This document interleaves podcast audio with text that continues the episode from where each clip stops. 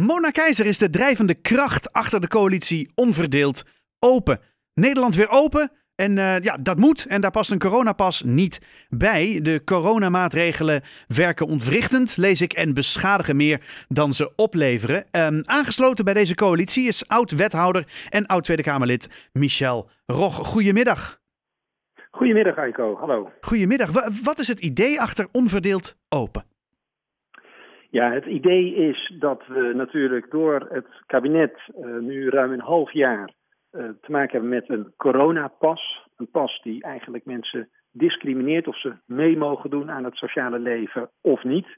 Uh, ik heb mij, zoals je ongetwijfeld zult weten, daartegen uitgesproken toen die werd ingevoerd.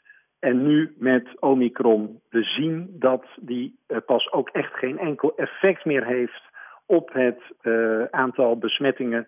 Uh, en dat betekent, dan moet ja, zo'n polariserende maatregel, een maatregel die mensen er eigenlijk toe verplicht om constant hun vaccinatiestatus te bewijzen, die moet van tafel. En daarom roepen wij met heel veel organisaties en personen op de Kamer en het kabinet stop met deze coronapas.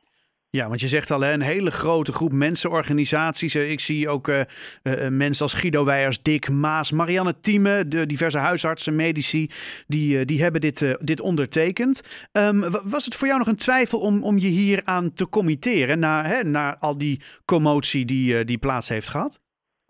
Nee, juist niet. Hè. Ik heb mij altijd uitgesproken tegen die coronapas. Ik vind echt heel erg dat we zo'n maatregel die zo indruist tegen vrijheidsrechten en gelijkheidsrechten. Hè, dat zijn toch de pijlers onze, onder onze open democratische samenleving. Dat het kabinet zo'n pas heeft geïntroduceerd, vind ik al verschrikkelijk. Mm-hmm. Maar nu er echt geen reden ook meer is om daarmee door te gaan, ja, wilde ik graag uh, ja, toetreden tot de voorhoede om de Kamer en het kabinet echt te overtuigen. Stop hier nu mee. En ik ben ontzettend blij dat zoveel organisaties horeca-organisaties, de ondernemers, uh, wetenschappers, oud-politici uh, zich uh, hier tegen keren. En ja, ik ga ervan uit dat we tegen het weekend wel een miljoen handtekeningen hebben verzameld. En dat betekent, we moeten echt gewoon nu het tij keren. Ja, want wat je zegt, hè, het, het, het, is nu volgens jullie niet meer houdbaar om dit op deze manier te gaan doen. Hè? Want het, het, het, polariseert. Je moet elke keer die QR-code. Dat betekent dat mensen die niet getest of niet gevaccineerd zijn, die kunnen niet meedoen aan het sociale leven en weet ik veel wat. Um, ik, ik ga ervan uit dat dit alles is doorgerekend en ook beargumenteerd kan worden met, met medische cijfers, toch?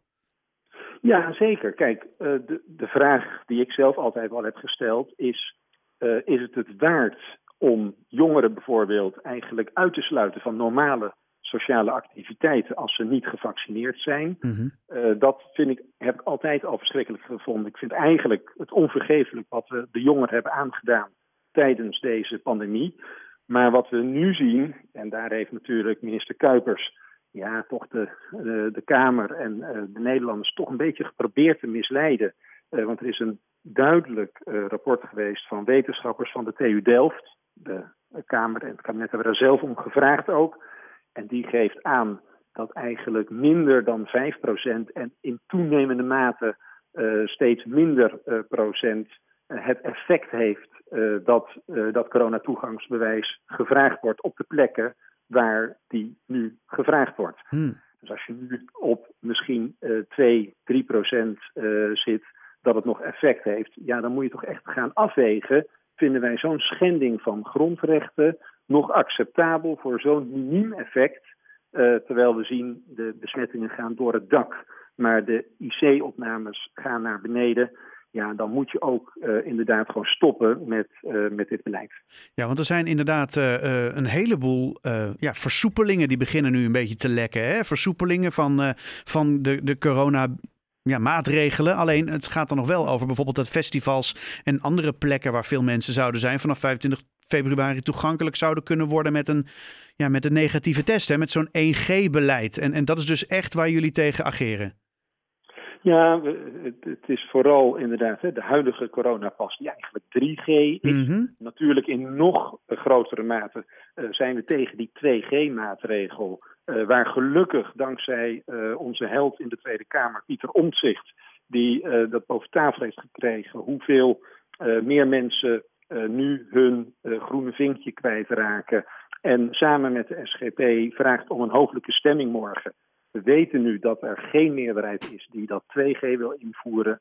En op dit moment, met de huidige besmettingsgraad, is ook 1G uh, hoewel dat minder discriminerend is, maar toch uiteindelijk ook weer uh, een toegangspas uh, is niet meer noodzakelijk. En dan moet je ook stoppen. En het in de gereedschapskist houden, het de hele tijd dreigen met toch weer onderscheid maken op basis van vaccinatiestatus of medische status. Ja, daar moeten we van af. Dat past niet in een open democratische samenleving. En dat kan alleen als er een acute grote gezondheidscrisis is. En die is er op dit moment niet meer. Nee. En uh, je zegt dus eigenlijk, hè, je, je, roept dus de regering en het parlement op om die, hè, dat corona-toegangsbewijs, of dat nou 1, 2, 3, 4, 5G is, bij wijze van spreken, per direct af te schaffen. Um, ja, en, en, nu? Want uh, de oproep is gedaan. Uh, wanneer verwachten jullie een reactie? Ja, dat gaan we zien. Hè. We weten dat er natuurlijk een, een, nieuwe persconferentie komt aanstaande dinsdag. Ja. Uh, we hopen natuurlijk van harte dat we dan uh, op uh, onderverdeeld open.nl uiteindelijk meer dan een miljoen handtekeningen hebben verzameld om dat krachtige signaal aan de Kamer en het kabinet te laten horen. Um, ja, we hopen maar dat Kuipers uiteindelijk nu gaat draaien en eieren voor zijn geld kiest. En stopt met het vragen om een coronapas in al die situaties waar het eh, op dit moment het eigenlijk nauwelijks meer effect heeft en waar zoveel mensen echt helemaal tabak van hebben. En als we nou eens even eh, gewoon advocaat van de duivel, waarom zou hij het niet doen, denk je? Wat zou een reden kunnen zijn dat hij zegt, nou ja, ik, ik heb je gehoord, maar we doen het toch niet? Nou ja, dat, uh, ik, ik zou die reden moeilijk zelf kunnen bedenken. Maar wat ik steeds hoor nu in uh, Den Haag is dat er een soort beeld bestaat. Ja, we moeten het in de gereedschapskist hebben. Uh, of we vinden het spannend om los te laten. Ja, nee, wat spannend is in een democratische samenleving, is spelen met grondrechten. En we zijn op dit moment grondrechten aan het treden. Dat kan natuurlijk als er een acute gezondheidscrisis is, want ook daarvoor, hè, voor de volksgezondheid, heeft de uh, regering een verantwoordelijkheid. Uh, dat erken ik ook ten volle. Maar op dit moment, als je ziet ook dat onderzoekers, onomstreden onderzoekers van de TU Delft, aangeven dat het uh, zo'n klein effect heeft om nu met die coronatoegangsbewijzen uh, door te gaan. Uh, minder dan 5% en afnemend, dat was half januari, maar Omicron heeft er nog veel minder, maakt dat het nog veel minder effect heeft. Dus dan zit je echt in een situatie dat je moet zeggen: we vinden het niet acceptabel dat grondrechten worden getreden, dat de samenleving polariseert. Uh, en die tweedeling blijft bestaan tussen mensen die wel een groen vinkje tonen bij de ingang van de sportschool of uh, het café en de mensen die dat niet doen. Waarvan akte. Uh, dankjewel voor je toelichting. Onverdeeld open. Ja, de, het geluid is afgegeven en het is even afwachten wat, wat de regering ermee doet.